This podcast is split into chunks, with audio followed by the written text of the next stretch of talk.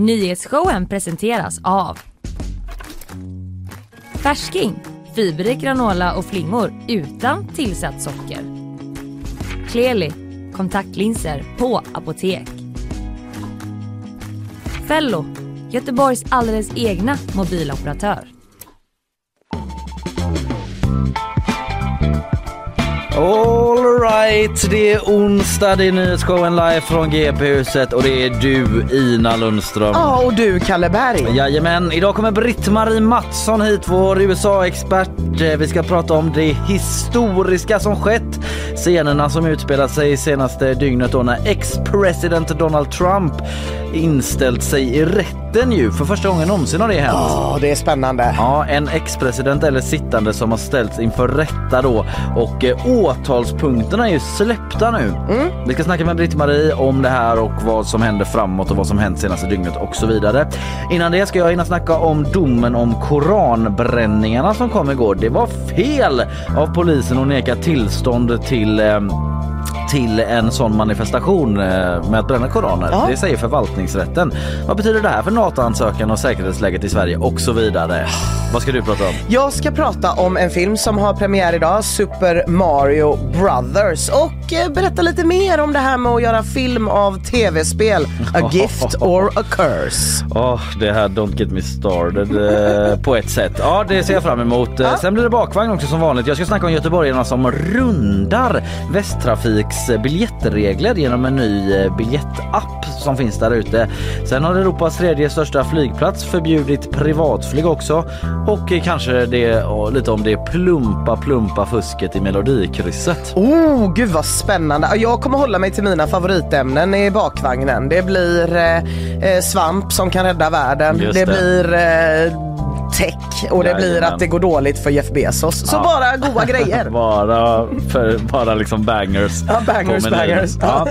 Härligt. Eh, hur står det till annars? Nej men det är bra, det är bra tycker jag. Jag eh, håller på att förbereda mig för att jag ska åka till USA för första gången i mitt liv nästa vecka. För första gången i ditt liv. Aldrig varit där. Eh, jag, Vad ska du göra?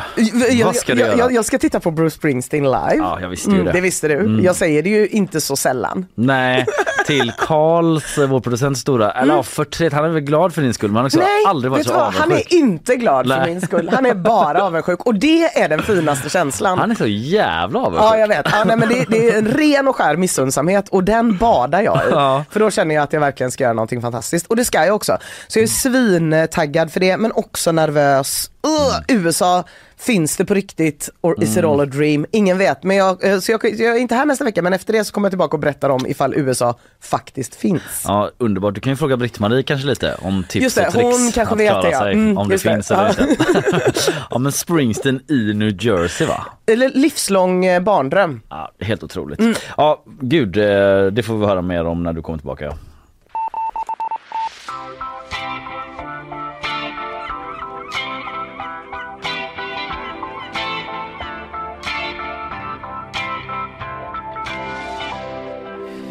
Men du Ina, innan Britt-Marie kommer, du minns att det bränts en och annan koran i Sverige? Det har jag noterat. Den här vintern Mm. inte minst. Det har ju också inte gjort det.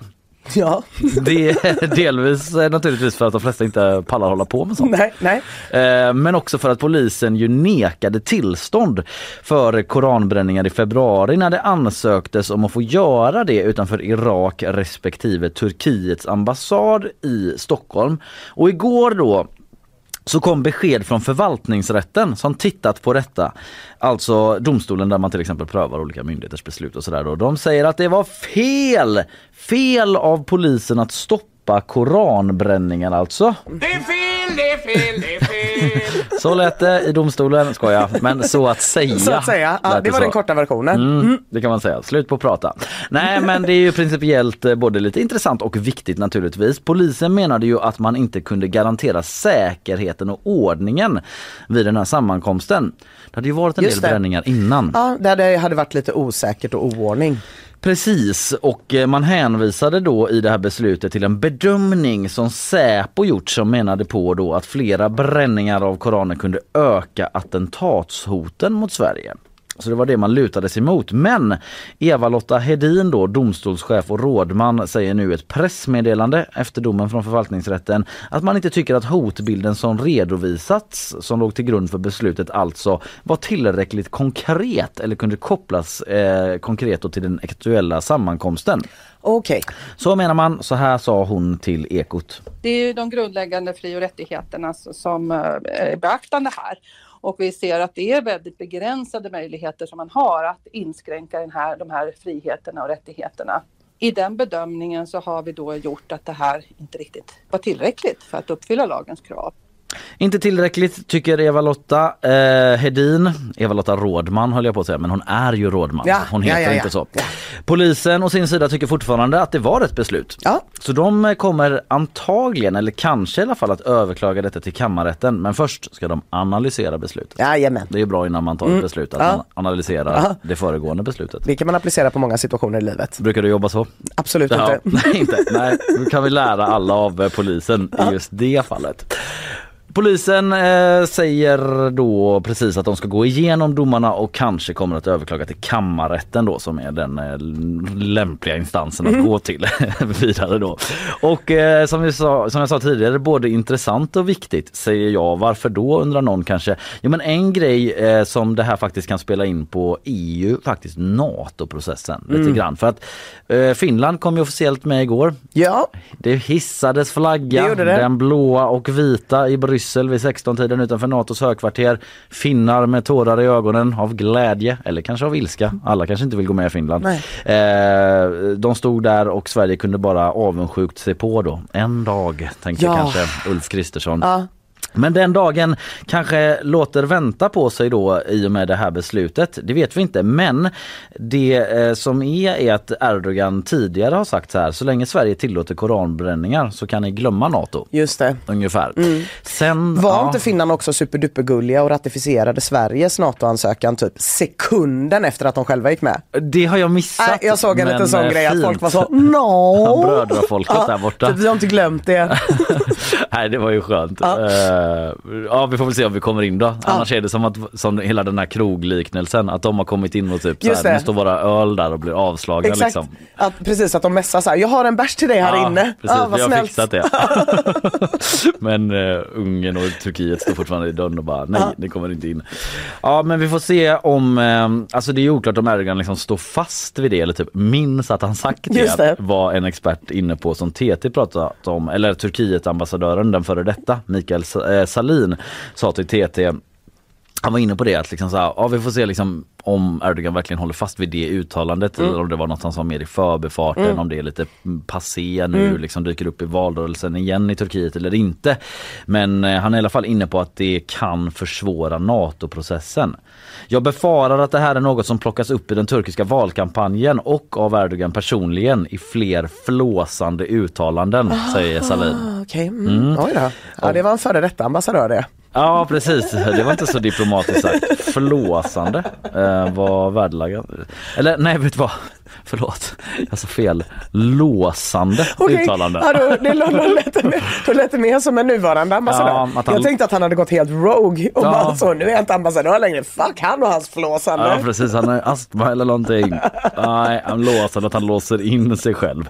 Ja, vad skönt att vi Eh, fick klarhet i det då. med olika uttalanden. Ja det var skönt, dumt att jag sa fel. Strunt samma. Sen eh, tror han, eh, ska jag säga då Mikael Salin, att eh, det inte blir liksom nej definitivt på sikt utan det är mer något som gör att processen kanske drar ut på då.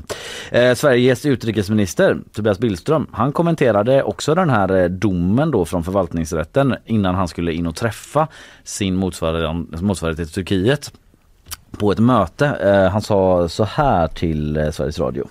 Det är ju ingen hemlighet att den svenska regeringen tycker att det är viktigt med yttrandefrihet och det är ju en väldigt viktig princip som vi står upp för. Samtidigt som man kan hålla två saker i huvudet samtidigt, nämligen att det är olämpligt att genomföra någonting liknande den här koranbränningen. Å andra sidan vad gäller domen så är det en fråga som jag inte vill spekulera i därför att det är en dom som kan överklagas och man alltså bör, bör som minister ha ett säkerhetsavstånd till sådana frågor. Den har han fått öva på ju. Ja. Det här yttrandefrihet kontra... Ja, två saker i liksom- huvudet samtidigt. Precis, den meningen har de eh, präntat in nu. Likt många andra, gud Ja. man hör det ofta.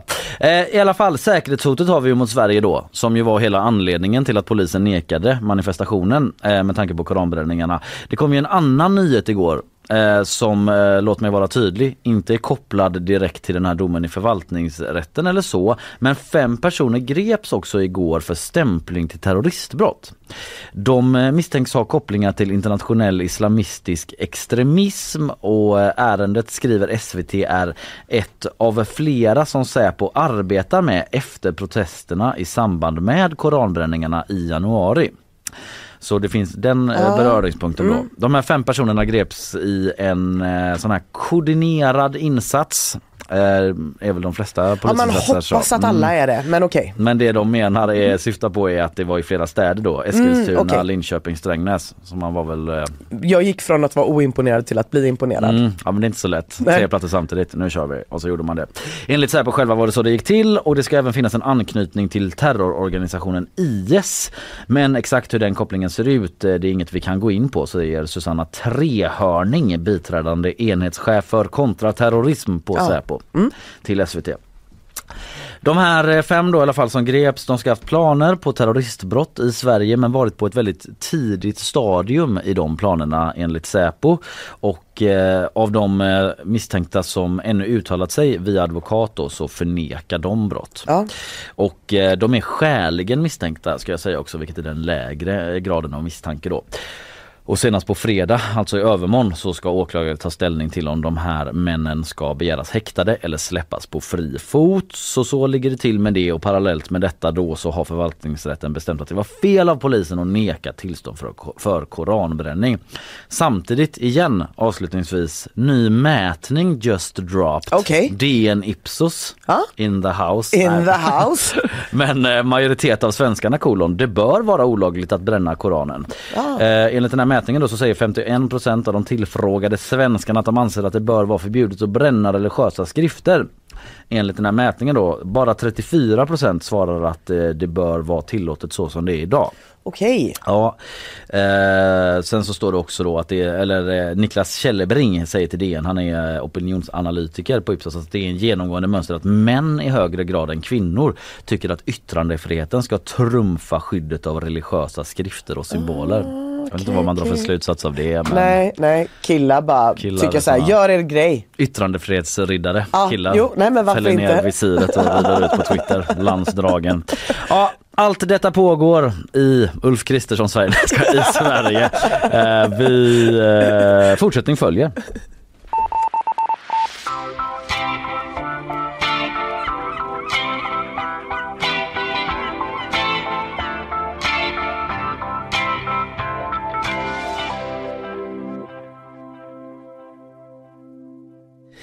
Om en liten stund då, Britt-Marie Mattsson. Äntligen, det var för länge sedan sist tycker jag. Ja det tycker jag med, det är, är det alltid. Man känner det liksom bara stunden hon stänger dörren och går. Ja, jag lyssnar överhuvudtaget inte på nyheter från USA förutom när Britt-Marie är här. Bra, då har du chansen. Ja. Hon kommer och tar oss igenom hela Trumps senaste dygn här då med åtal. Punkterna är ju här. Eh, Vi ska eh, tala om vad det handlar om. Innan det så ska vi också få ett nyhetssvep, men innan det så har vi sponsorer. Nyhetsshowen presenteras av Färsking, fiberrik granola och flingor utan tillsatt socker. Kleli, kontaktlinser på apotek. Fello, Göteborgs alldeles egna mobiloperatör.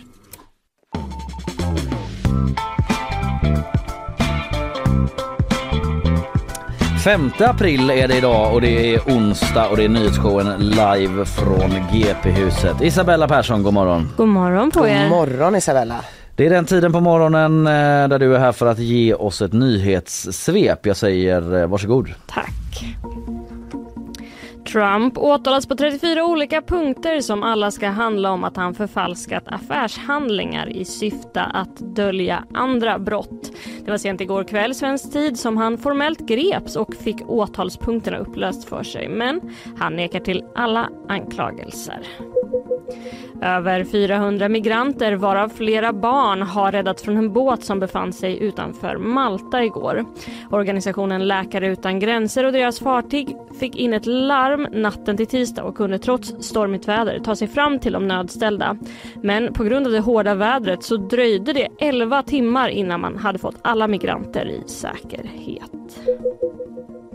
22 katter har hittats övergivna ute i kylan i Kalix. Detta rapporterar flera lokala medier. En av katterna ska ha frusit fast med benen på en gren och en annan ska ha fastnat i isen. Flera av katterna ska också ha dött.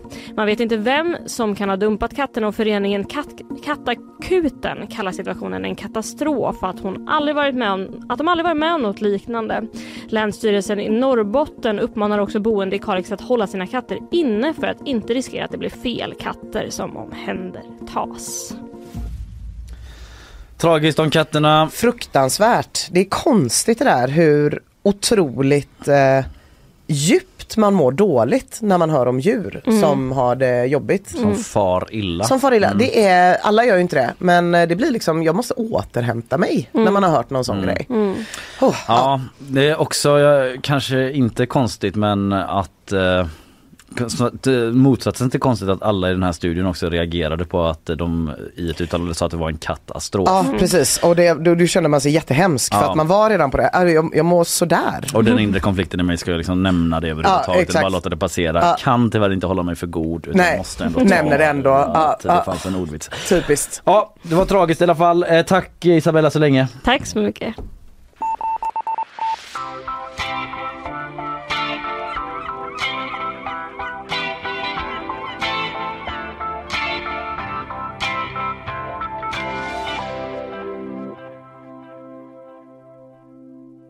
Alright, eh, vi hörde det i svepet här helt kort. Eh, åtalspunkterna är släppta mot Donald Trump. Vi ska få analys och fördjupning av Britt-Marie Mattsson. Häng kvar!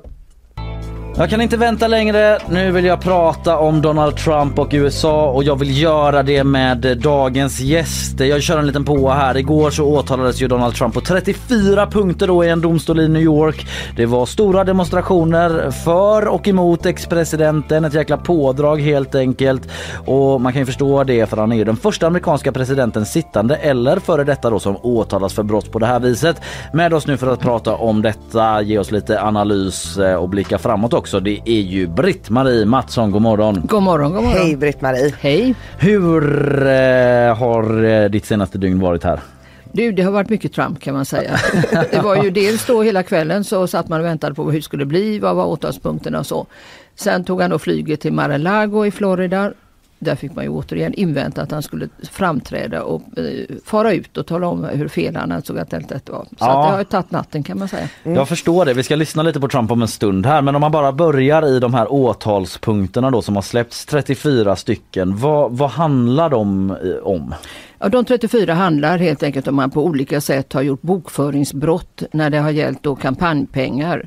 Och det är i samband med att han har betalat ut pengar till eh, två kvinnor, framförallt Stormy Daniels, den här porrstjärnan som då han har velat tysta, plus någon ytterligare.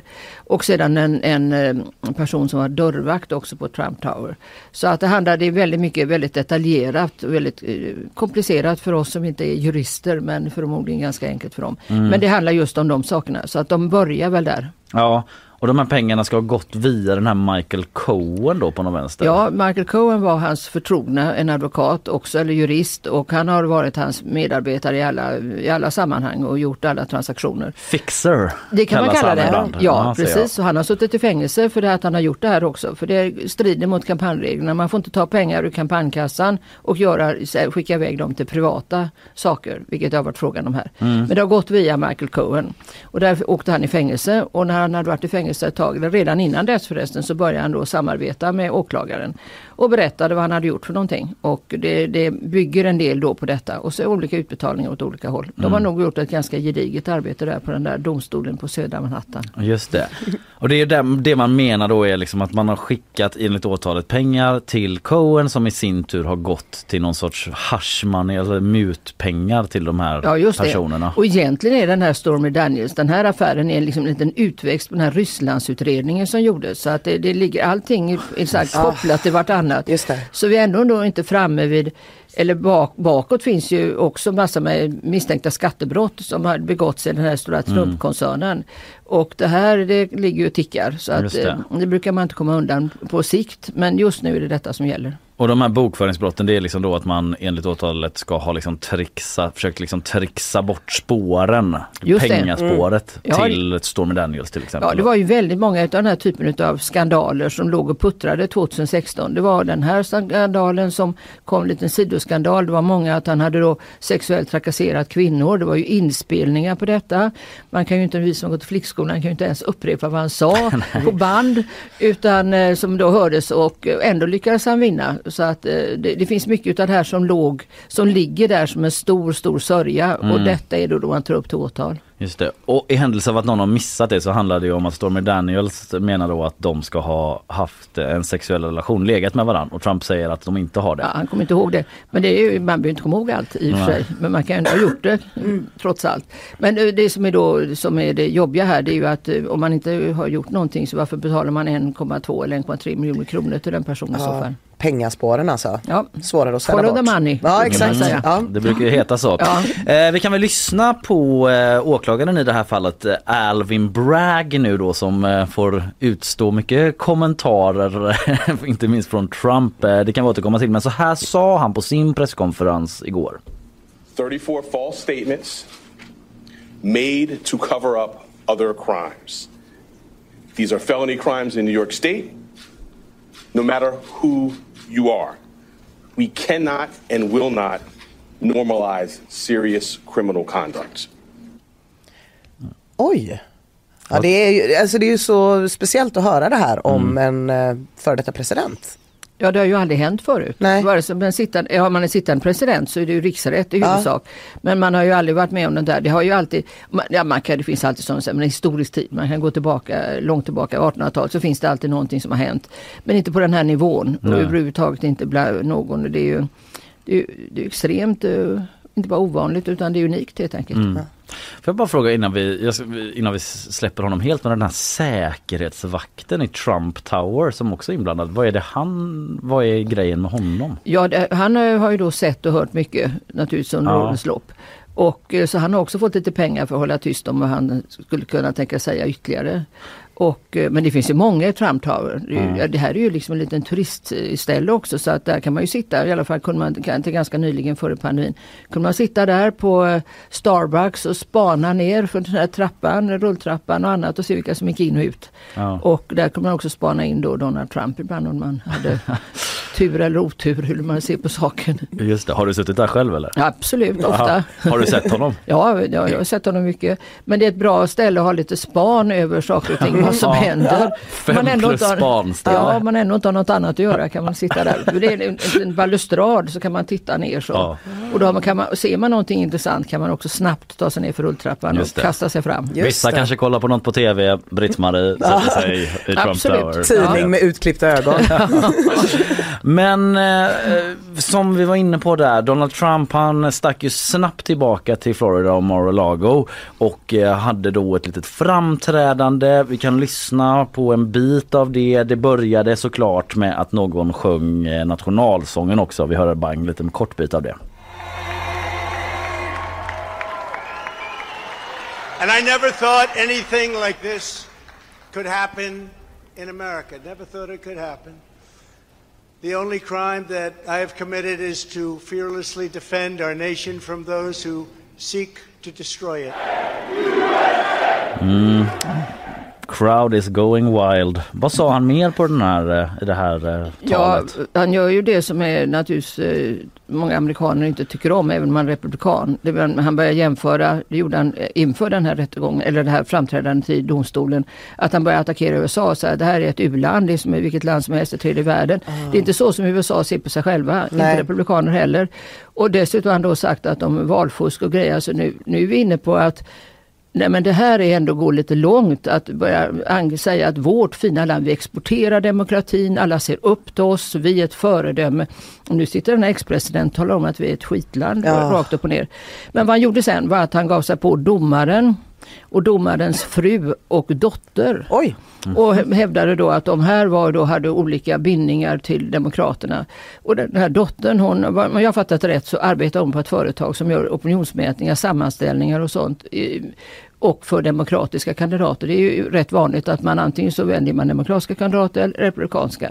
Hon har då ingen direkt framträdande position. Men henne har de letat upp, ger sig på henne och frun och domaren. Det där gör man inte riktigt ostraffat. Det kanske man kan göra i Sverige men inte riktigt i USA. Nej. Den här domstolen där på Manhattan, den är inte att leka med. Alltså blir man kallad dit då, då är, ligger man inte bra till. Och det är de som också ligger med hela, alla de här skattemålen som då kommer att komma så småningom. Han har ja. lånat pengar på Deutsche Bank och haft, eh, påstått att han haft enorma inkomster. Skattemyndigheten har fått en helt annan version eftersom man inte har velat betala skatt. Och det är en väldig massa det som ligger och kokar här. Och att då börja med att reta upp domaren, domarens fru, domarens dotter Ja. och alla möjliga andra människor. Och en massa patriotiska republikaner. Ja, mm. det, är- det kanske är inte helt lyckligt. Jag skulle gissa att hans advokater sagt Keep cool, alltså ta det Just det. lugnt nu. Säg att du är oskyldig men dra inte in massa annat. Nej. Men då, han kan liksom inte bärga sig. Vårt land går åt helvete. Ja, sa han dessutom.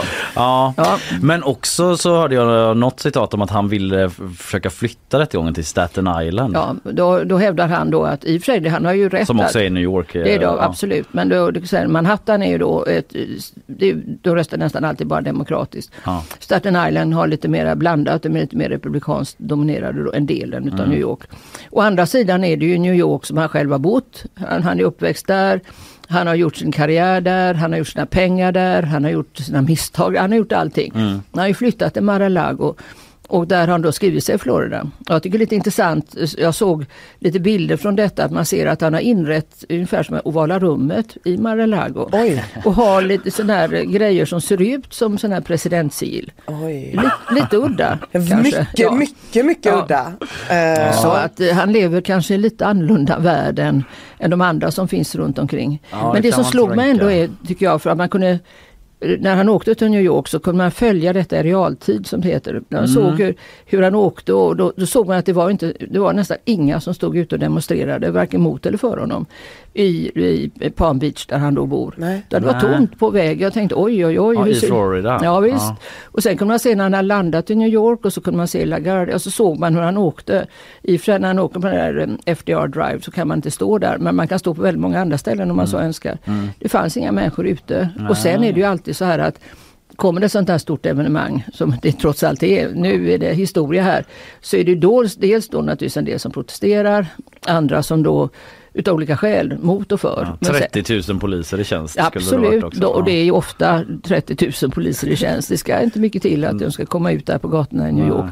Men det intressanta här är ju att det var ju inga stora demonstrationer och framförallt alltså så såg man utanför Trump Tower, där kan man ju på andra sidan Femte Avenyn kan man ju stå. Ja. Där var det journalister, fotografer.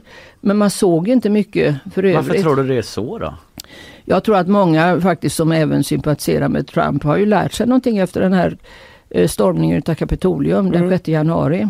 Och det betyder ju då att de har gjort in, de sitter ju på många år i fängelse och Trump har inte gjort någonting för att försvara dem eller Nej. hjälpa dem. Så då, många förstår väl att om de kommer här plötsligen. De här Proud Boys finns väl knappast kvar, i alla fall inte som namn. Men i alla fall att de kommer då plötsligen och ska demonstrera och så tar polisen och syr in dem. Kan få kanske flera år i fängelse. Det, det är inte så attraktivt Nej, att, att göra det trots allt. Ska vi lyssna på en bit till från Mar-a-Lago där Trump alltså talade?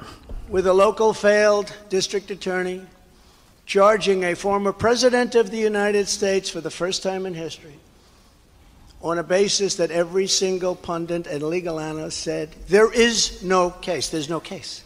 They kept saying, there's no case. Ja, eh, säger verkligen alla det? There's no case. Nej, hela domstolen säger ju att det är en case här. Men jag tyckte det var lite intressant. Han kallar sig för, för former president. Ah, det är Va? sant. Ah. I vanliga fall brukar han ju säga att han är egentligen presidenten. Just han har. Mm. blivit fråntagen detta olagligt. Just det. Men, eh, men det är klart han, han använder... eh, Det kanske var den eftergiften han gav sina advokater. Han bara okej, men jag kommer göra en annan grej än vad ni sa. Men jag kan säga former president. Men tänk er att vara advokat för, för Donald Trump som då vill ha en få honom frikänd här på olika sätt och ska köra den här legala vägen och så plötsligt så friwheelar han på Ja, alla möjliga gud. sätt hela tiden. Magmedicin, ja, nu tack. Nej, en Valium varje morgon Ja. skulle man väl behöva där. Men är det någon som säger att there is no case? Nej, men det är klart att man, man kan ju säga då att det är klart att det finns ett case här, annars hade det inte varit 34 åtalspunkter. Så kan man då säga, ja men är det verkligen ett allvarligt brott som då nämligen åklagaren säger, eller är det ett sånt där lite halv, ja, inte så allvarligt. Och där är, går väl meningarna så här, man säger då, nej men så allvarligt är det det, heter, det ska inte heta allvarligt, det ska heta ett brott. Men att det är ett brott som är begånget, det är de i alla fall överens om att någonting har gått fel här. Och då finns de här utbetalningarna. Men det tråkiga för Trump är ju att detta är liksom både det gick in i den politiska kampanjen 2016. Men sen är det också naturligtvis privatlivet som kommer in här. Men alltså, det är inte så kul kanske hemma kan man föreställa Nej, sig. nej. Vi har inte sett Melania. Men Melania var faktiskt under valkampanjen, det här var ju uppe alla möjliga grejer. Och då satt hon ju på Trump Tower i den här frurollen som är Ja. lite hemsk när man ska sitta och säga Nej det är inte alls den man som jag känner och sådär utan det är en Nej. helt annan och jag tror inte på de här anklagelserna. Men det är klart man undrar hur det låter hemma annars. Ja, jag såg familjen i något uttalande som slöt upp nu Ja. här i veckan. Men du har andra människor, till exempel sönerna är ju där då hela tiden Ja. och, och twittrar och håller på. Men däremot dottern Ivanka, hon är gift med Jared Kushner. Och de har ju uppenbarligen sett att de har ett liv efter pappa. Och de är inte med här. De, de är inte med i presidentvalskampanjen, de är inte med i detta. Och där har ju pappa Kushner också, han har ju också haft sån här eh, massa affärer i New York med fastigheter och sånt som också har legat i skumrasktrakterna eh, har hävdats. Så att jag menar, det gäller att hålla sig lite undan här så man inte blandas in för mycket i detta. Mm. Men om man ser då på konsekvenserna av detta. Nu är ju åtal väckt och det liksom ska gå framåt och vi är absolut inte framme vid domen och så. Men liksom så här, kan det bli fängelse av det hela? Går det att säga i nuläget? Eller så här, Nej, vad kan hända? Ja, det, det finns ju det tydligen i straffsatsen. Men det här ska ju vänta då. Nu, nu sitter vi här i, i april och det här ska nu kanske inte komma upp förrän i december, januari. Så det kan ta Jaha. ganska lång tid. Det kommer att malas på under hela tiden. Men kanske inte att just att Donald Trump behöver stå i rätten. Då är vi inne på i primärvalen, precis. Men eh, sen är det då att eh, det ligger ju, alltså det här, det, är en, det här är liksom den första som de har krokat fast på. Och sen är det skattemålen som det är det stora som kommer att förmodligen komma förr eller senare.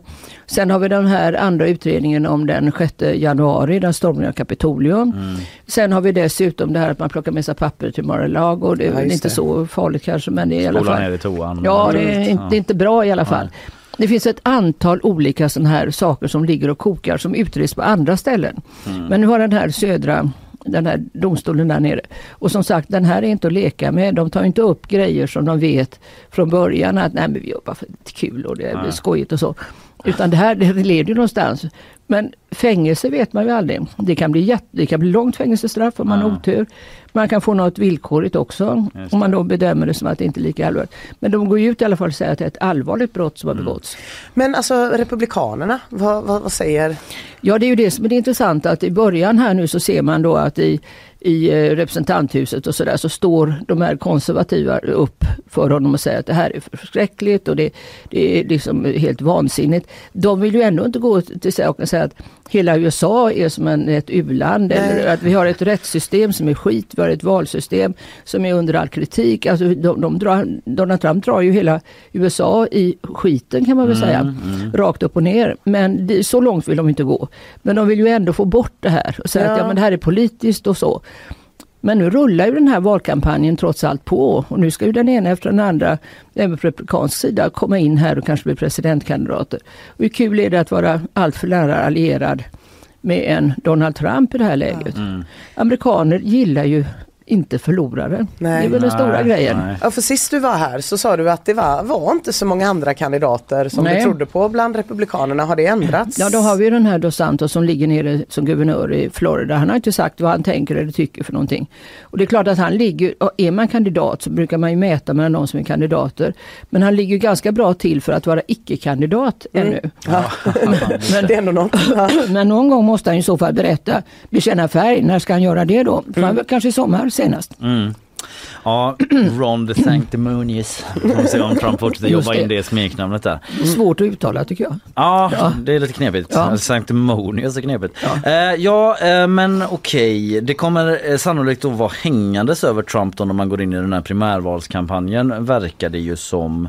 Eh, jag funderar på, eh, ja men eh, du sa i framåt december, januari, alltså, vad, vad, vad händer framöver här nu då? Är det bara att man väntar på att de ska fortsätta jobba den här eh, åklagargänget? Ja, nu eller? håller de ju på Ja. där och sen har de ett annat gäng på med de här skattegrejerna. Så håller det här gänget på som justitiedepartementet som håller på med de här stormningen utav Kapitolium.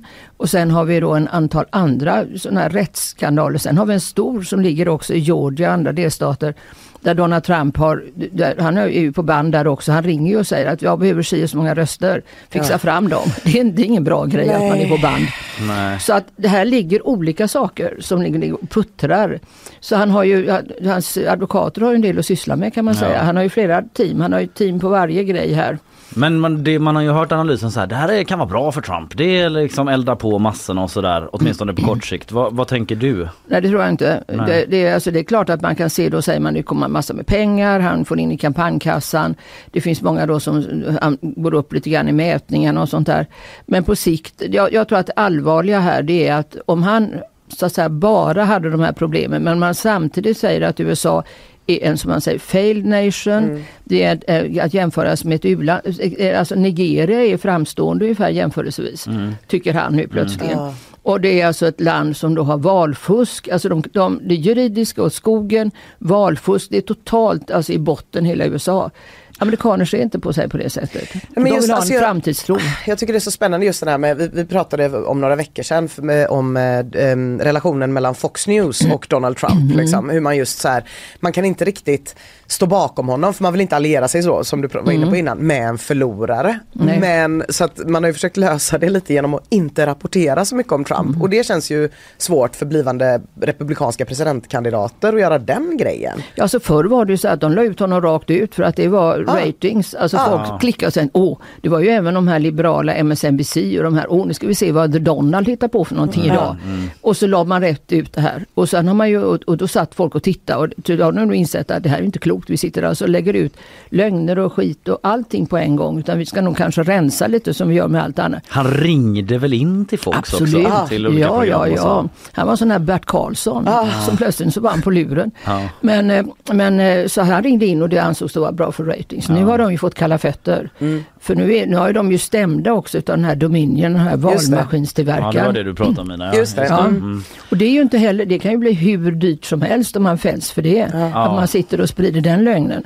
Så nu har man ju rensat, de har ju sin nyhetsredaktion som är väl lite mer normal och sen har de sina sina då ankare, de här som då har sina talkshows. De har ju blivit nedtonade. Man ser ju då att man, när man tittar på dem så de är inte lika så här yviga när det Nej. gäller uppställning för Donald Trump. Alla sitter i en sån rävsax. De liksom. gör det Ja. och alla har sina olika utredningar. Ah. Inte alla men det finns väldigt många som du varit inne på här. Mm.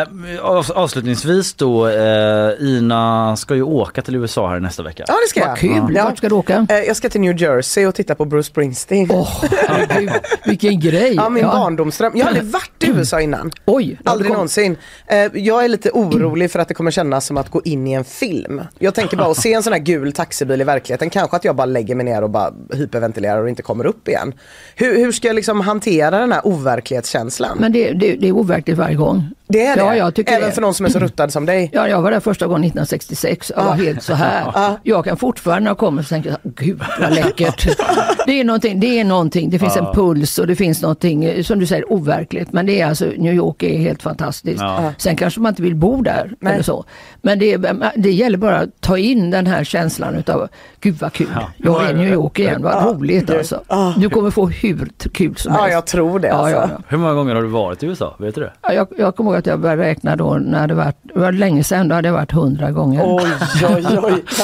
Men du är inte så som går runt på New York och är så I'm walking here och Nej. liksom har blivit en sån true New Yorker. Nej men jag känner det här när man kommer ut på femte avenyn och går där. Alltså det, och du, du hör ljudet och tittar. Alltså det, det är läckert. Jag blir typ tårögd bara av att höra det. Det känns helt Ja, ja, sjukt att man ska vara i verkligheten. Ja, ja, du kommer att tycka det. alltså- Lilla jag, Ja, stora, stora där. du skulle jag säga.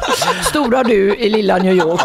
Ja, jag ska försöka bära med mig den Ja, gör det. känslan. Ja, det, och du har redan fått ett tips då som var Starbucks vid eh, Ja, Trump Tower absolut. då. Jag tror tyvärr att det är nedlagt. Ja, Alltså.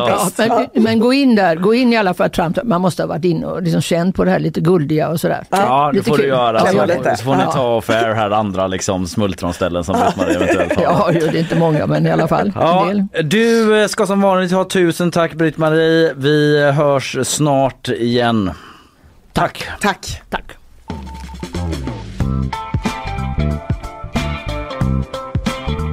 Häng kvar, vi ska snart eh, få nyhetssvep från Isabella och eh, vidare in till eh, bakvagnen. Innan ni får höra allt det innehållet, det starka contentet så ska ni få sponsor, sponsormeddelanden. Varsågoda. Nyhetsshowen presenteras av Färsking, fiberrik granola och flingor utan tillsatt socker. Kleli, kontaktlinser på apotek. Fello, Göteborgs alldeles egna mobiloperatör. Ja, Britt-Marie eh, tackar vi. Ja, det gör vi. Hon eh, lämnar studion Ja. och eh, jag började prata om nyhetssvep på bakvagn och allting Ja. men eh, vi ska också höra... Det finns en filmpremiär. Ja, Kalle, det finns det. Idag släpps nämligen den datoranimerade filmen Super Mario Brothers. Man kan tänka så här, vad är det som är så konstigt med det? Det är en film, den är baserad på ett tv-spel, åldersgränsen är sju år, nu kan vi gå vidare. Det kan vi inte. För det är väldigt mycket som står på spel, no pun intended. Det finns nämligen en 30 år gammal förbannelse när tv-spel ska bli film. Och förbannelsen lyder, det går åt helvete. Ja. Det går åt helvete. Men Bland- de ger sig inte ändå. de ger sig inte, de ger sig inte. Eh, bland kritiker är det inte så konstigt att det går åt helvete. Det, kan man ändå tänka sig att de får lite low rating när man är så här, ah, vi ska göra en kul film om ett tv-spel som kids gillar. Men också bland folk där ute, alltså att folk inte går och tittar på dem. Eh, de senaste 30 åren så har det kommit typ 40 filmer baserade på tv-spel i, som är något sånär stora. Nästan alla har liksom den riktigt dåliga ratingen på Rotten Tomatoes som är en sån här där folk kan gå in själva och rösta då. IMDB för, mm, jag vet inte, för lite yngre... för based människor. ja, precis. IMDB för based människor, det kan man säga. Det var en väldigt bra beskrivning. Eh, och nästan alla de här 40 filmerna som är baserade på tv-spel har under 60% vilket innebär att de har då kategorin rotten. Eh, jag har inte hittat någon annan genre som har så låga resultat. Men var började den här förbannelsen kan man fråga sig. Den började med lille Mario himself. Mm, för 1993 släpps då den första stora tv-spelsfilmen Super Mario Brothers med den fyndiga undertiteln This ain't no game.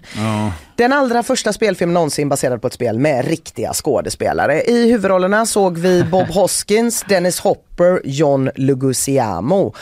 Andra som var aktuella men antingen tackade nej eller var för dyra var Dustin Hoffman, Danny DeVito, Arnold Schwarzenegger, Michael Keaton, Tom Hanks och alla de är nog så sjukt glada över det idag. Tom Hanks som Luigi. Ja, det hade, man förstår. Mm, hur de tänkte.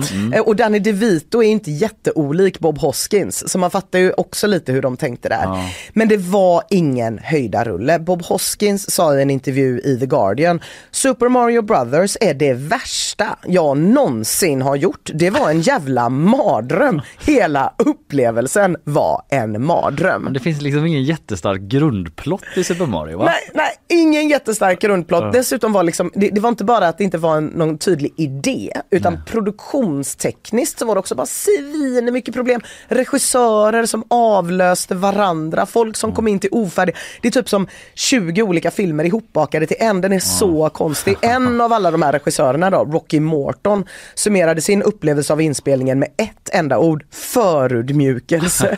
Och en annan skådis, Richard Edson, sa i en annan intervju i The Guardian, stanken från en sån här katastrof dröjer sig kvar hos alla inblandade. Men nu kör vi igen Men nu 2023. kör vi igen! Och man kan ju tänka så här, jo men det är klart att det var en cash grab, Mm. liksom 93. Det och det kan väl få vara en cash grab. Cash grabs behöver inte ha jättehög kvalitet, man skulle bara göra lite pengar. Problemet är bara att det var absolut ingen cash grab. Den kostade 45 miljoner att Ja. göra, drog in 35 miljoner. Så inte ens investerarna var nöjda. Idag känns det väl som att 95% av alla filmer som görs i Hollywood är cash grabs. Eller Ja. liksom Ja, motiveringen cash Ja, grab. ja, Ja. motiveringen att här finns det pengar att tjäna och det är klart det fanns pengar att tjäna på Super Based Mario on the 93. video game, based on the book, based on the movie, movie of the previous. video game and the book.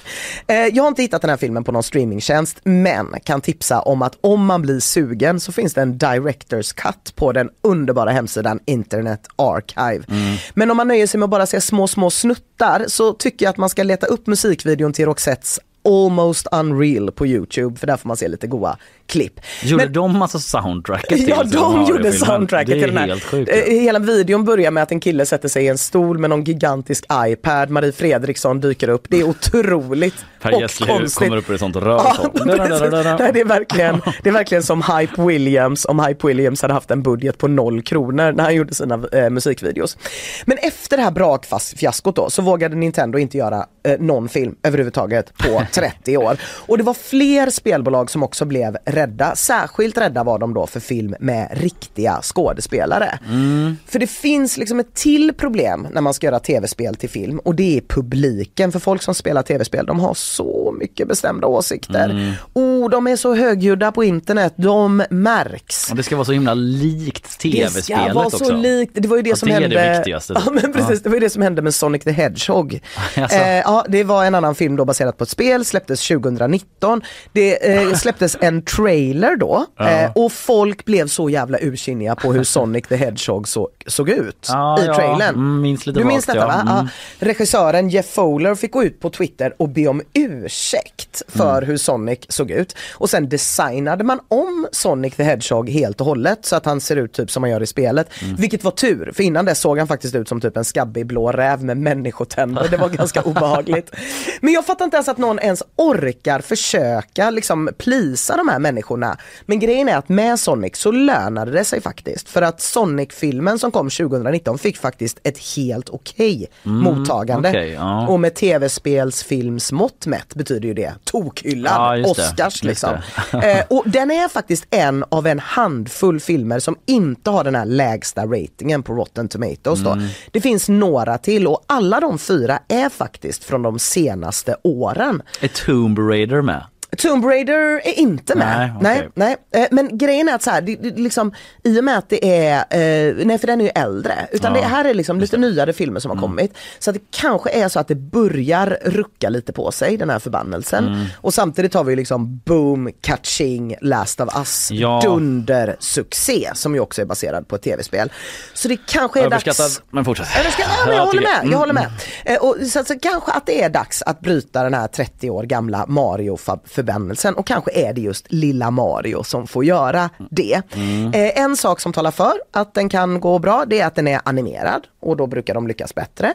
Eh, dessutom så har den nya filmen då som har premiär idag är gjord av Illumination som har gjort den otroliga Dumma mig-filmen. Mm, just det. Ihop med Nintendo själva då så Mm. gör de den här.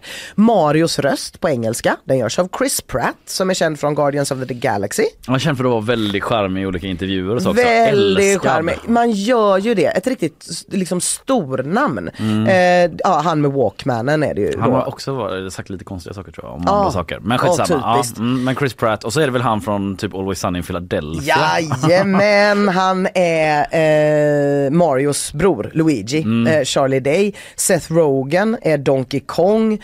Bowser då, den onde, görs av hårdrocksspexan numero uno, Jack Black. Ah. Och eh, prinsessan Peach spelas av Anya Taylor-Joy som hade huvudrollen i The Queen's Gambit som också är en tv-serie då baserat på ett spel, skulle man kunna säga om man eh, vill. Spelet schack. Ja, spelet schack. Nej men det är verkligen stor satsningsalert här. Nu ska fan den här förbannelsen brytas. Bågen är spänd. Ja, och jag ja. tror att det kan gå bra. Det är ett litet sidospår här, bara ett litet smolk i glädjebägaren för den svenska marknaden. Det verkar inte riktigt som att den svensk dubbade versionen har satsat lika mycket på stornamn. Jag tänkte typ så här, ah, kan det vara två Skarsgårdare kanske som det. blir Mario och Luigi, Rolf Lassgård kanske blir Bowser, hon Sigrid Jonsson, hon har ju vunnit Guldbagge, blir det prinsessan Peach?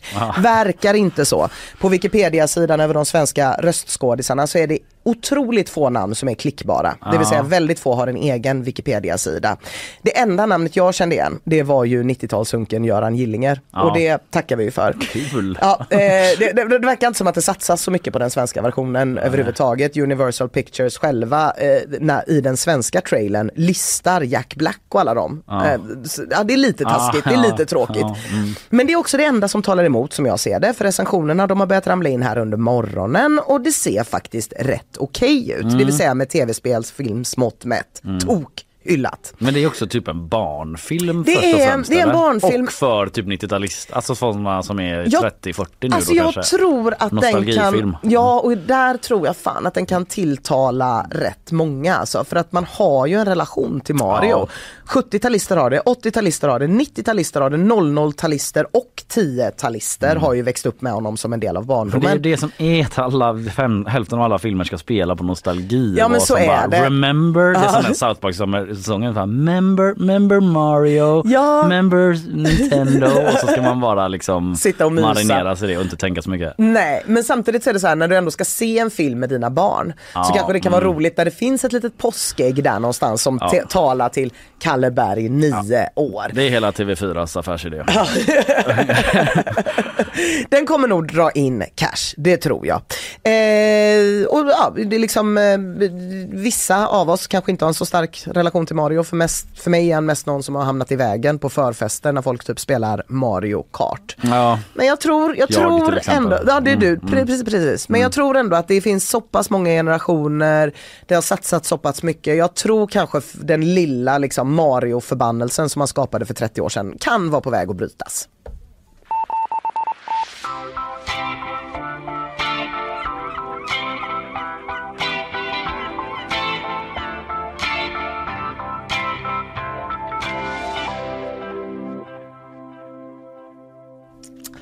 Ja, vi pratade om det under den korta lilla pausen vi har här under bumpen att eh, det slår ju på alla mina nostalgisträngar. Alltså jag, jag har spelat lite Mario och jag, när jag såg trailern så kände man ju så här, man blev jätteglad när han hoppade från en grej i luften till en annan grej i luften. Man var så här, just det, det är precis som i spelet! Ja. Så att eh, jag, ja, jag tror eh, de har gjort en, en korrektare, man kan säga så här, jag sticker ut hakan, en bättre satsning än den de gjorde för 30 år sedan. Ja, där eh, är du järv. Ja, jag blir mer sugen på att springa hem till min kompis Albert och spela Mario Kart eh, snarare än att se filmen om jag ska vara helt ärlig. Medan några uttråkade tjejer på förfesten typ jag följer med och bara sitter så mm. Ja, annars är det inte samma grej.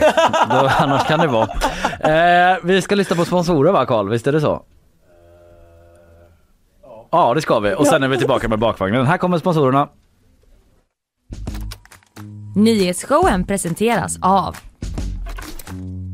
Färsking, fiberrik granola och flingor utan tillsatt socker. Kleli, kontaktlinser på apotek. Fello, Göteborgs alldeles egna mobiloperatör.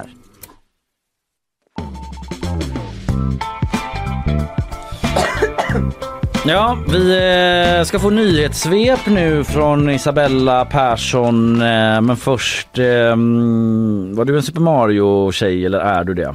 Eh, ja, mycket så. Eh, Nintendo Wii som vi körde Super Mario på. Så man kunde liksom köra med ratten. Ah, ja, ja. Mm. Man glömmer att du är så pass mycket yngre än vad Ja, just det. Men Det är alltid så, det är samma med Linnea, man är så va? Ja just det. Just Ja, det var den Ni du menade. spelade det Mm. då. Ja, ja, det var ju med Jajamän. det. Okej, vi eh, tackar för den lilla inblicken i uh, Ungdomen. 90-talistgenerationen. Välkommen in i värmen. Ja, och så släpper vi över och skiftar ton då. Vi ska få ett nyhetssvep. Trump åtalas på 34 olika punkter som alla ska handla om att han förfalskat affärshandlingar i syfte att dölja andra brott. Det var sent igår kväll svensk tid som han formellt greps och fick åtalspunkterna upplästa för sig. Men han nekar till alla anklagelser.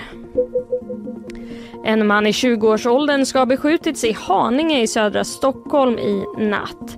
Enligt uppgifter ska han ha kidnappats och skjutits när han försökte fly. Han träffades av skotten men skadorna ska inte vara livshotande och två minderåriga har gripits misstänkta för inblandning. Över 400 migranter varav flera barn har räddats från en båt som befann sig utanför Malta igår.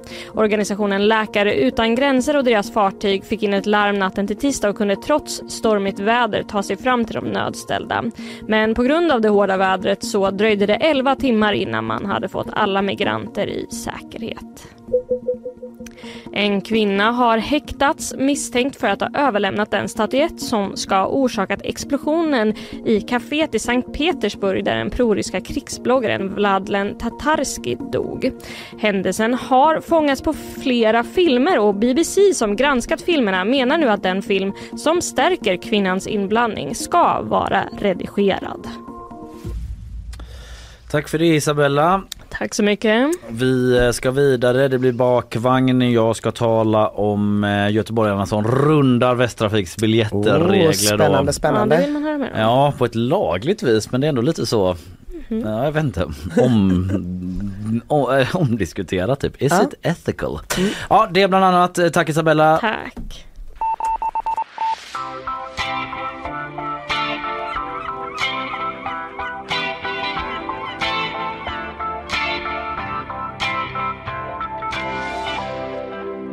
Ja men vi hugger väl tag i den direkt då. Det är ett eh, längre jobb här som jag läser på gp.se, våran sajt som handlar om resenärer då i Göteborg, göteborgare som eh, har valt ett annat sätt att eh, ta sig fram i kollektivtrafiken mm. biljettmässigt då. Okej. Alltså det här eh, handlar om eh, folk som tycker det är för dyrt att åka spårvagn helt enkelt. Typ studenter, folk med inte så mycket pengar i allmänhet som eh, har börjat använda sig av det här att man kan liksom hyra ut sin eh, Västtrafikbiljett. Sitt typ månadskort Ja, då eller? månadskort. Ah, okej. Och Det Mm. visste inte jag att det gick att göra Jo men jag tror att Västtrafik själva har sagt att, alltså, att det, det finns en sån grej att så här, om, jag har sett någon reklamkampanj Mm. för ett tag sedan, typ om du inte kan använda ditt månadskort så kan du låna ut det till någon. Ja men precis, det lärde jag mig i den här artikeln att det är så då. Du kan låna ut din periodbiljett i Västtrafiks app till max fem personer kan man göra.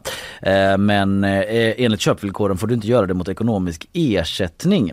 Men trots det då så finns det en app som gör att man kan hyra och hyra ut eh, biljetter. Eh, den heter Tikital och eh, vi på GP har snackat med vdn där. Eh, han säger att eh, ja, man har nyss bytt namn och man är liksom på väg upp uppåt och så här. eh, Det, vi liksom har en tjänst som många efterfrågar Mm. och sådär. Han är väldigt positiv till sitt eget företag. Det verkar gå bra enligt honom och sådär. Eh, Men eh, det är, för det man gör då är att ja, men man hyr en vuxenbiljett då till exempel för zon ABC som finns. Då betalar man 149 kronor för det. Eller om man bara har en ungdomsbiljett i zon A så är det 60 kronor då. Då kan man liksom ha den ja, hela dagen som jag förstår det då. Okej. Att alla uthyrningar upphör automatiskt klockan 04.00 så man kan Ah, hyra ja. den då. Mm. Eh, Över dagen och då kan man ju känna om man ska åka fram och tillbaka från Borås typ. Just det. Berättar en, eh, en, en som vi snackat med om som, eh, ja det skulle kosta 210 kronor annars då liksom. Och då tjänar man ja, en 60-70 spänn Mm. då, på en dag liksom. Och det kan betyda ganska mycket Ja. för den här killen Fredrik som vi pratade med som är förtidspensionär till exempel då. En annan tjej som vi pratat med, hon heter Fatmata Sidibay och hon säger också liksom att hon har inte råd att betala för fullpris varje dag så därför använder hon den här appen. Eh, och eh, jag tyckte det var bara dels lite roligt att lära mig att det bara finns eh, men eh, det, det, det, finns också liksom Facebookgrupper där Ja. folk lånar ut så här utan ersättning Mm. och så också. Och det är då liksom inte några konstigheter. Det, Det är är konstigheter. i linje med Västtrafiks användarvillkor. Då. Ja, Mm. det säger Västtrafik att de tycker bara det är bra. Att eh, så här, man har möjlighet att låna ut sin biljett till fem personer under perioden och vi har inga synpunkter på vilka fem de här är. Han, man tycker, eh, det säger eh, Karin Wadmark som är Ah, ja. försäljningschef på Västtrafik, att så här, de tycker typ att det är en Det, tanken är inte nödvändigtvis, det är inte som en typ Spotify family, att det ska vara du och din familj eller dina nära vänner utan att byta digitalt så här, det är helt lugnt. Men när ersättningen kommer in i bilden. Ja men precis, eh, Västtrafik uppskattar däremot inte den här appen då. Eh, Karin Wadmark säger generellt vill vi se initiativ som får folk att resa hållbart men de behöver bygga på affärsmodeller där både kollektivtrafiken och entreprenören är vinnare. I det här fallet innebär varje uthyrning en utebliven intäkt för oss. Eh, ja, jag fattar typ inte det riktigt men eh, det som är är att de här Ticketal tar en procent på varje transaktion då. Ja. Om jag hyr din biljett så tar de ett, eh, ett visst antal procent, jag tror det var typ Ah, gud nu har jag inte den siffran här men typ 8 procent eller Ja. sånt där. Eh, och det tycker då de på Västtrafik är ett problem för att det innebär att skattemedel går till företagets vinster. Just det. Ja, Mm. eftersom att det är ju skattefinansierat med Ja. kollektivtrafiken. Och eh, då har man liksom försökt ha diskussioner med det här företaget och erbjudit dem att bli återförsäljare av digitala biljetter istället. Eh, Men det vill inte företaget. VDn där, Saliou Sall, han säger att så här, dörren är öppen för samtal. Han säger också att det kanske inte är kärlek vid första ögonkastet säger han. Mm. Mellan Mm. typ Ja. honom, företaget och Västtrafik då. Eh, Men sen så här, om du kollar på vår tillväxt och våra omdömen bland användare så är det tydligt att vi löser ett problem. Vi vet att trafikbolagen är svårflörtade men samtidigt inte omöjliga. Kan vi på sikt uppvisa värde för dem så ser jag inte varför de skulle avvisa oss. Ja, så eh, han vill inte bli återförsäljare, han vill fortsätta med det de håller på med så Mm. som jag tolkar honom. Eh, Och Västtrafik säger att eh, de har liksom inga planer på att komma med några åtgärder mot den här verksamheten, typ att stoppa dem eh, på något sätt. För de säger att det inte är tillräckligt stor skala Nej. än så länge för att det eh, ska vara värt det då. Så frågar vår reporter hur stora ska Tikital bli innan ni gör något åt det? Kan jag inte svara på, Nej. säger Karin Wadmark då. Ehm, och så här, kan man råka ut för något som resenär om man hyr ut sin biljett på det här sättet? Kan jag inte svara på, säger de där också. Vi har inte tittat på det än men man skulle kunna bli spärrad i teorin. Ah, ja, ja. Mm. Ja. Ehm, ja, sen fortsätter vår artikel eh, där de pratat med politiker i Göteborg då i och med att det är så många som tycker att det är för dyrt typ, och inte det. känner att de har råd att åka och därför använder den här appen. Eh, Louise Jeppsson från Vänsterpartiet eh, är eh, ordförande för infrastruktur och kollektivnämnden i regionen som bestämmer om priser och sådär. Hon säger att hon inte blir förvånad över att folk tycker det är för dyrt. Eh, det har varit liksom ett vallöfte från de rödgröna här i regionen då att hålla nere priserna. Ehm, hon hade gärna personligen säger hon sänkt det mer men det ärliga svaret är att eh, så som kostnadsutvecklingen i samhället ser ut nu så står vi för stora utmaningar och så vidare. Så, Ja, vidare. så de ja. kommer typ inte göra det. Men man har ju eh, ehm, från 23 april så sänks enkelbiljetten med en spänn och månadsbiljetten med 20. Ah. Så håll ut alla förtidspensionerade. Om Tre veckor någonting så blir det lite billigare. De pratar också med en moderat då eh, i artikeln här, Ang- Angela, Angela, Angela, vad säger man? Fast Torstensson, andre vice ordförande i kollektivtrafiknämnden. Eh, och de, hon är också liksom skeptisk till att det här företaget tjänar pengar på delvis skattefinansierade biljetter. De, hon säger så här, man vill inte hindra utvecklingen, innovationer eh, och innovationer och sådär. Men det blir känsligt i och med att det är skattemedel inblandade. Vi riskerar att få minskade intäkter. Att vissa av pengarna liksom försvinner då till det här företaget istället. Ehm, men eh, ja, de, de, där verkar det inte vara några priser på, eller planer på att sänka det, eh, priserna mer eller så. Eh, ja, alltså jag tyckte, jag tycker man kan läsa mer om detta på vår sajt eh, gp.se. Det är en ganska lång artikel om det här företaget och det här fenomenet som pågår då. Att Västtrafik liksom, ah, tycker det är ett problem men, än Men så länge ändå, ska inte ja. göra någonting åt det. Men om de blir större så bara, ah, då Ja. får vi väl göra någonting då. Fan. Ja. Sen är det en expert som har uttalat sig också från KTH som säger att ryggradsreflexen är att liksom stänga ut eller stänga ner sådana här grejer liksom, och agera mot dem. Det har man gjort i Nederländerna till exempel eh, där alla biljetter blivit personliga. Men eh, vi får väl se om man går samma väg i eh, Västra Götalandsregionen.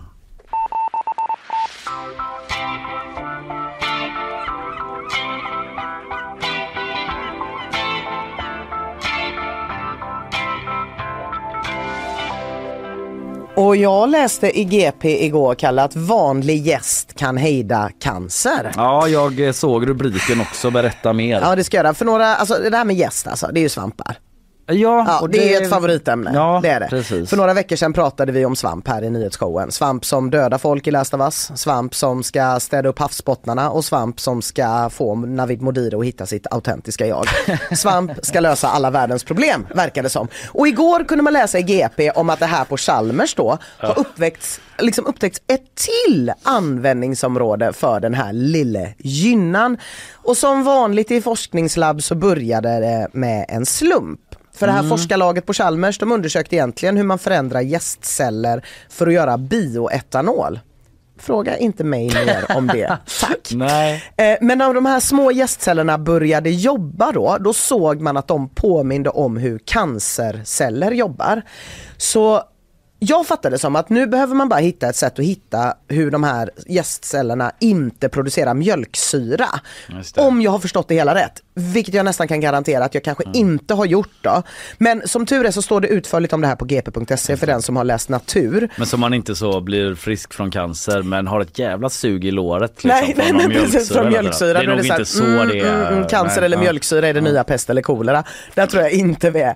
Eh, Men på GP kan man också läsa sig till eh, att det här då genombrottet inte är lika med cancer gone. Nej. Jens Nielsen som är professor för, på avdelningen för systembiologi på Chalmers, han leder en forskargrupp på över 60 personer och han säger, går det fort då pratar vi om 8 till 10 år ungefär för att få idén godkänd, alltså att man kan börja forska på det. Så innan dess kan man liksom inte ens fundera över om det här kan bli ett läkemedel mot cancer. Men ändå, yay för svamp. Ja Yay verkligen. för gäst. Verkligen. Man tänker på penicillinet, det var väl också sån Ja, slumpgrej. precis, slumpgrej. Alltså det är mycket som talar för det.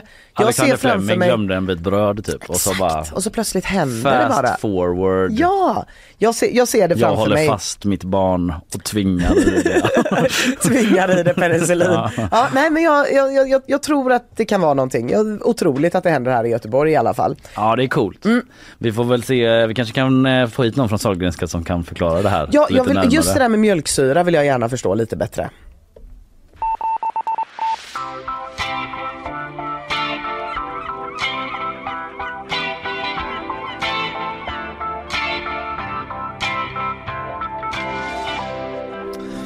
Du, eh, jag har ju börjat kolla på senaste och sista säsongen av Succession. Ja, jag har ju väntat Mm. för att jag, eh, liksom min mest lyckade insats som mamma, Mm. det är att jag har lyckats få min dotter att se Succession. Okej. Så vi tittar på den nu ihop. Så att de Eh, kan inspireras och bli riskkapitalist. Nej, och... nej men bara att det, det, det, jag vet inte, jag vet ingen föräldralycka som mäter sig med den. Att när man får dela ett riktigt bra tv-program med sitt barn. Det är något helt otroligt. Eh, och eh, hon gick med, jag sa, jag kan inte riktigt beskriva Succession, jag är helt besatt, jag älskar Succession. Mm. Jag kan inte beskriva det, jag skulle säga att det är en komediserie. Det är så Ja, jag beskriver den. Jag tycker att den är mer mer fruktansvärt ja. rolig. Eh, men jag sa, ge det 20 minuter av första avsnittet så ser vi. Och så sa vi 20 minuter av första avsnittet och sen dess har det bingeats. Och jag har jobbat hårt för att vi ska komma ikapp Ja. eh, till att de nya avsnitten släpps. Men hon är en person som ibland säger att hon behöver gå ut och få frisk luft. Ja. Not a pro like her mom. så att eh, vi är i mitten av säsong tre. Ja. Så att jag är inte riktigt framme vid de nya avsnitten. Jag ska inte spoila någonting och jag ska inte ens, ens prata om Succession egentligen riktigt. Det var mer eh, att eh, det du säkert har noterat av de första säsongerna är att det, de flyger ju en del. Det gör de. Fram och tillbaka över världen Ja. med olika privatjättar När och så. de är ovänner så flyger de i varsin jet. Ja exakt. Eh, Bredvid eh, varann. Nyheten som fick mig att tänka på det här det är att Amsterdams flygplats Schiphol Schiphol. en, oh, tackar tackar ja. Jo, jag en gång pratar, till. ju- En gång jag till. pratar ju holländska. Schiphol. Ja, Jag kommer inte försöka. Det kommer Mm. Kan tipsa, ett, ett snabbt. Schiphol-tips är att de har frikandeller och bitterballen eh, som man kan äta precis när man kommer ut där. Åh härligt.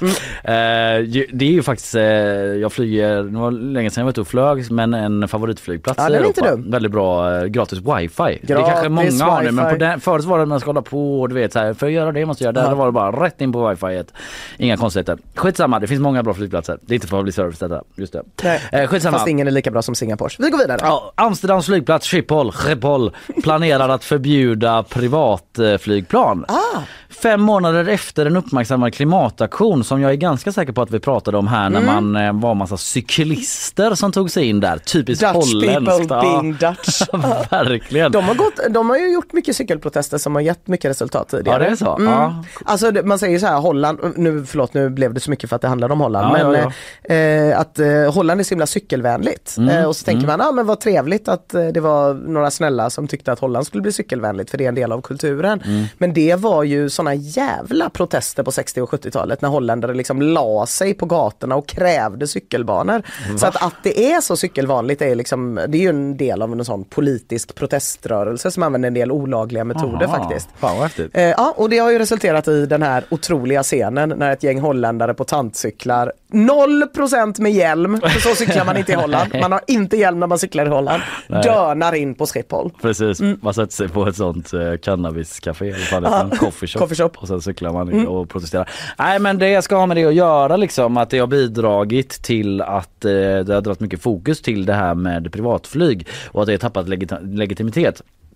Så här står det, jag läste från Dagens Nyheter, eh, att eh, under tisdagen presenterade flygplatsen en rad åtgärder för att reducera bullernivån för boende i närheten och minska koldioxidutsläpp i linje med Parisavtalet. Så det är två delar, dels att man vill eh, ja, få ner bullret eh, och att man då vill, ja koldioxiden, jag sa det precis. Och alltså det ska, inga flyg får lyfta efter midnatt eller landa.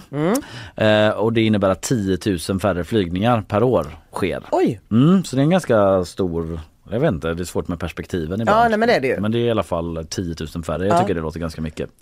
Och eh, då eh, trädde det här i kraft 2025 till 2026 någon gång då. Ja. Man måste kanske planera om Ja, det får man väl göra. och. Men och då särskilt, eh, och, och inga privatjättar alls eller? Nej, så som jag förstår det är det att det försvinner helt. Ungefär 30 till 50 procent av trafiken med privatflygplan från Schiphol uppges gå till Ibiza, Cannes eller Innsbruck. Det låter inte som livsviktiga resor. Nej, precis. Utan möjligen Innsbruck förvånar ju lite i den trion, gör det inte det? Ja men det är väl någon sån, ligger inte någon sån lyxig alpskidort där i Ja, närheten? ja, ja. Mm, ja, det är Typ way, det är San ovanför mitt huvud. Ja, men Jag ja, vet inte, Jo, men jo, jo, jo, jo. Jag tror det, är vi. därför den dyker upp där. Det måste det vara. Förbjudet kommer inte gälla ehm, eh, polis och ambulanshelikoptrar. Det hade ju varit helt sjukt. Ja det hade varit eh, konstigt. Det kanske inte de här cykeldemonstranterna Nej. ville heller. Nej, Liksom. det tror jag inte. Rotterdam gnuggar händerna säger Karl. Du menar att liksom en annan flygplats bara er, kommer erbjuda där? Det är Ja. inte omöjligt. Ja, det är ju inte hela Nederländerna som inför detta. Nej, och det är ju också världens minsta land. Så att eh, om man skulle lägga flygplatsen i Rotterdam eller i, utanför Amsterdam Nej, just det. eller utanför Den Haag eller utanför Utrecht så skulle det ändå bara vara en halvtimme till vart som helst man ville om man ville till de centrala delarna av Just Holland. det, det är som att man får åka till typ så Istället. Ja, ja, ja, gud ja. Nej, nej, nej, nej, nej, nej, nej, det finns ju inga avstånd. Ja, de släpper också planer på en eh, landningsbana till som de tänkte bygga. Det behöver vi inte nu, Nej. kanske de resonerar nu när vi ställer in så många plan då. Eh, och eh, ja men precis, man ska minska hela kapaciteten på flygplatsen med 12 då till 2024. Och det är tack vare eller på grund av hur man nu ser det då, eh, de här protesterna med cyklar då. Ja, så eh, tråkigt för alla liksom eh, Succession miljardärer Ja. Som vill ta sig snabbt från Amsterdam till kanske London. Innsbruck. Ja precis. Det var någon liten fakta som jag tyckte var intressant också med Sve- för Sverige för här finns liksom inga, inga, inga planer på att, att göra det men att de flesta avgångarna med privatflyg från Sverige har ökat från 3219 15 flygningar 2020 till 10 200 2022. Men alltså det är så Enligt en rapport från eh, Greenpeace. Mm. Men det är också för att det var pandemi. Jag vet inte så här, Just det det, kanske var sant, dumt att ta mätåret 2020. Ja det var det väl. Men jag vill väldigt gärna, jag, jag, jag, jag sticker ut hakan igen här nu då Mm, och säger mm. att jag tycker det låter toppen att förbjuda privatflyg. Jag tänker att det är så otroligt få människor som eh, blir drabbade av det. Ja. Men framför allt, det är inte den största anledningen för mig att det skulle minska koldioxidutsläppen och att man blir lite mörk i magen varje gång man ser hur det ser ut eh, efter typ Super Bowl och stora evenemang där liksom hela flygkartan är full det. av privatflyg Ja. för att folk inte vill dela kabin med andra. Det är inte den stora anledningen utan den stora anledningen att jag vill förbjuda det, det är att jag vill se debatten. Jag vill väldigt gärna se vem ställer sig på privatflygens sida. Vem tar en för laget? Ja. Vem av alla privatjetsflygare, obs nu pratar vi inte då om ambulans och polisflyg utan bara helt vanliga affärsresor, Mm. nöjesflygningar. Vem ska ställa sig mot Ja. miljörörelsen och säga Ja, är det här är så- viktigt för världen? De kanske kan ha en sån istället för cykelprotester som privatjetsprotest. Ja. De bara så cirkulerar De någonstans. cirkulerar på ett enda sista ställe, Malta, får de bara cirkulera runt hela tiden. Nej, Jag vill verkligen se det. Vem säger så här, nej nu är det för mycket förföljelse av oss Mm. med privatflyg. Avslut, sista grejen, alltså de flesta privatflygen i Sverige lyfter från Bromma flygplats. Vilken tror du är den vanligaste destinationen mellan Stockholm och? Alltså är det Göteborg så skjuter jag mig själv i huvudet. Det är inte Göteborg. Ja, tacka gud. Det är utanför eh, Ja det är Sverige. utanför Sverige. Det var ju tur. Okej, L- London. Rätt! Nej! Det är London. Snyggt Tina!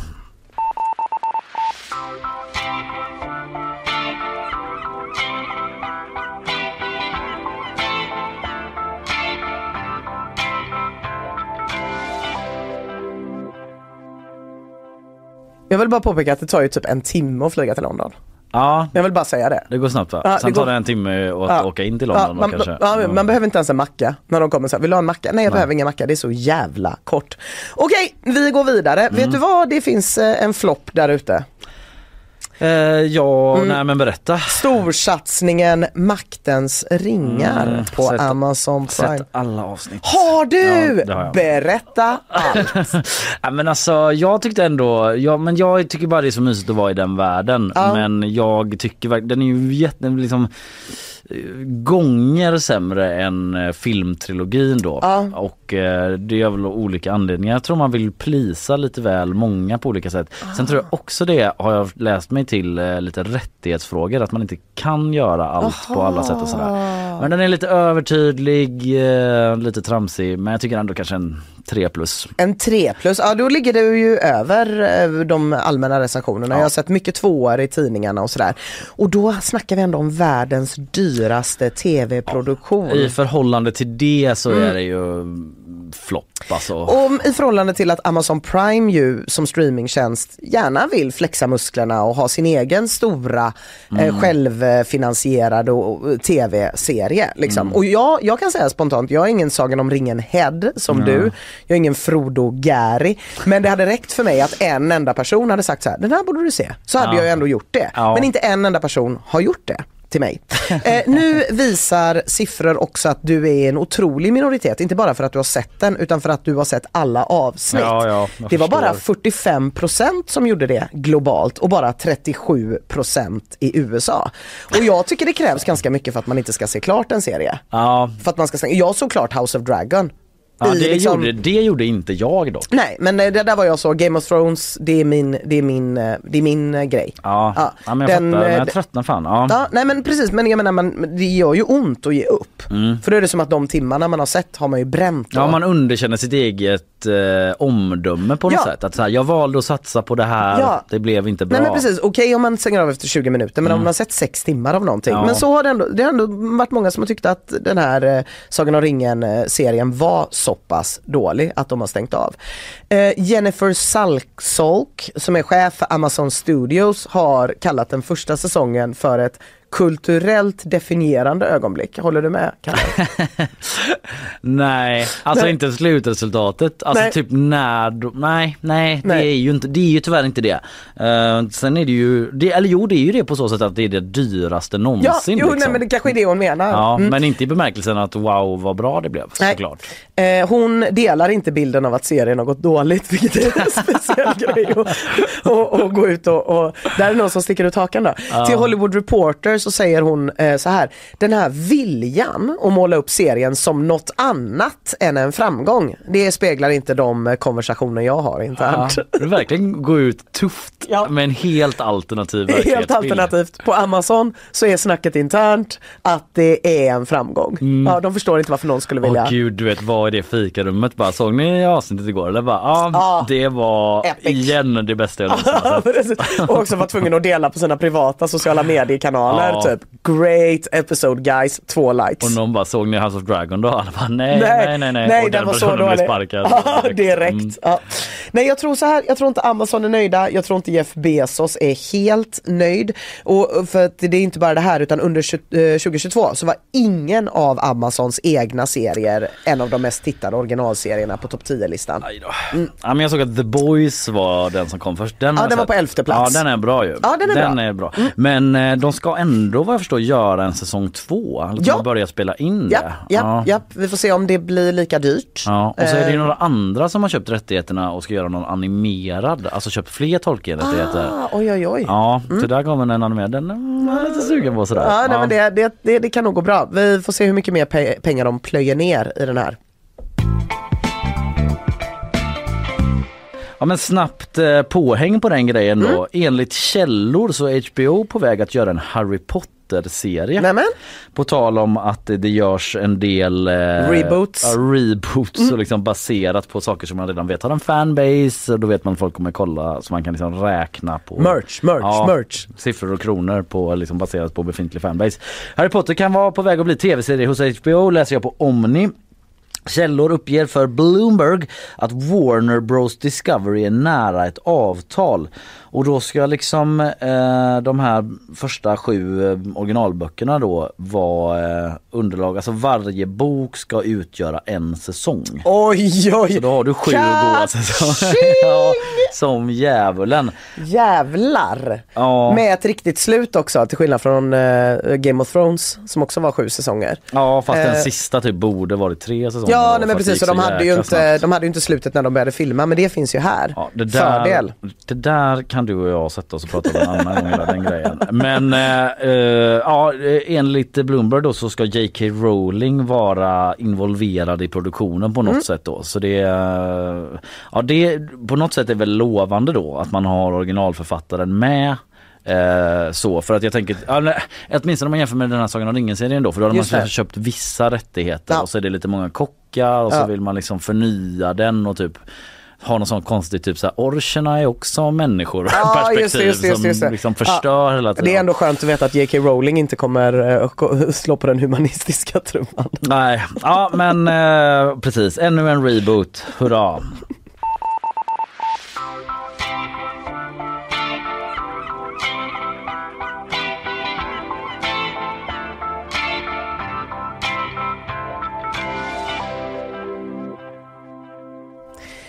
Det sparas pengar på Google, Kalle. Ja, Mm, de har satt upp sparmål. Vi pratade om det i januari faktiskt, om att de skulle sparka 12 000 personer. det där tyckte jag, jag sa det till dig innan men att det är en sån där eh, grej som hängde kvar hos mig när du pratade om det att de inte alltid sparkar för att man nödvändigtvis måste det utan det är för att typ visa aktieägarna att man typ så gör Ja, att någonting. man gör något. Alla andra sparkar. Vad Ja. gör ni? Vi sparkar också! Ja. Ja. precis, lite den paniken finns ju inom tech just nu.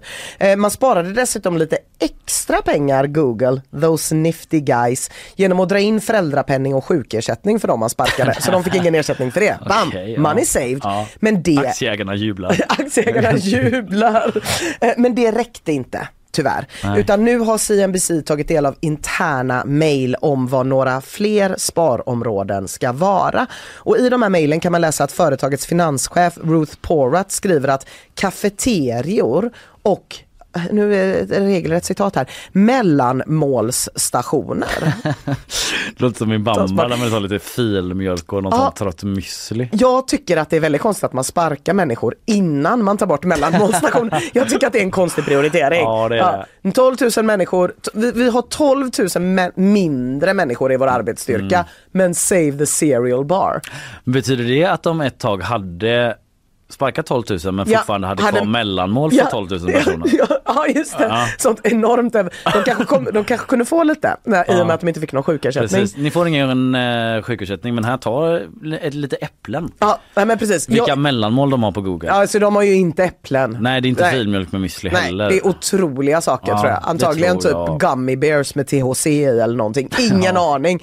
Och innan, när jag läste det här direkt så tänkte jag, åh gud, folk som jobbar i tech är så bortskämda. Och de Mm. Eh, ska ju vara glada att de ens har haft mellanmålstationer. Det har man inte i den riktiga världen. Nej. Men sen kom jag på hur otroligt sur jag hade blivit om jag hade fått ha en enda dag med mellanmålstation som sen hade dragits in. Det hade fan blivit till att cykla in på huvudkontoret i så fall. Ja. Eh, men nu är man inne på väldigt små marginaler på Google. Man uppmanar de anställda att minska användningen av tejp och häftapparater. Oj då, så Ja, där. ja.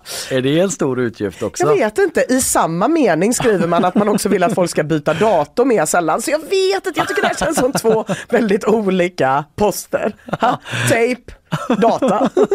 Jag säger fri tejp, men hold, the, eh, hold the computer. Ja, de som kan byta eh, företag från Google, de som är riktigt högt uppsatta och har en massa andra arbetserbjudanden eller är väldigt duktiga. Jag är lite orolig att de kanske kommer göra det, eller orolig ska jag inte säga, men det känns ju så för att eh, det är ju en klassiker att man ska hålla utkik om man jobbar inom tech för om fruktkorgarna försvinner. Ah okej det är Då ska du börja lägga, putsa på din LinkedIn-sida för då kanske det inte går så bra för företaget. Så att även om man kommunicerar något väldigt trevligt utåt mot aktieägarna så kan man ju fråga hur de anställda reagerar när de inte får tejpa så mycket som de Ja, vill. just det, de här cheferna byter till uh, Bing och så sitter de där vet, och bara prankar varandra och lindar in varandra så "Åh, det är mumie, det är mumie. Ja, ja, du har lite tips där eh, till Google helt enkelt. Vi får Ja. se om det når dem. Jag hoppas det. Mm, idag så har vi haft Britt-Marie Mattsson här och eh, pratat eh, länge och väl om eh, Trump och hans senaste dygn och åtalspunkterna som har kommit. Vad kan det betyda framåt? Tiden flög förbi. Det gjorde den. Eh, sen har du pratat om Super Mario-filmen som har premiär idag och kanske blir filmen som kan bryta förbannelsen kring tv-spelsfilm som vi har levt med i 30 år. Och jag har med lite om domen från förvaltningsrätten att det var fel att eh, polisen nekade tillstånd för en koranbränning i februari och lite vad det kan innebära för till exempel NATO-ansökan och den generella liksom, terrorhotsnivån i Sverige. Eh, lyssna på podden om du missade något av eh, detta. Eh, vi säger väl tack så länge. Ha det så bra i USA. Tack så mycket! Ses om två veckor. Ja, vi ses om två veckor.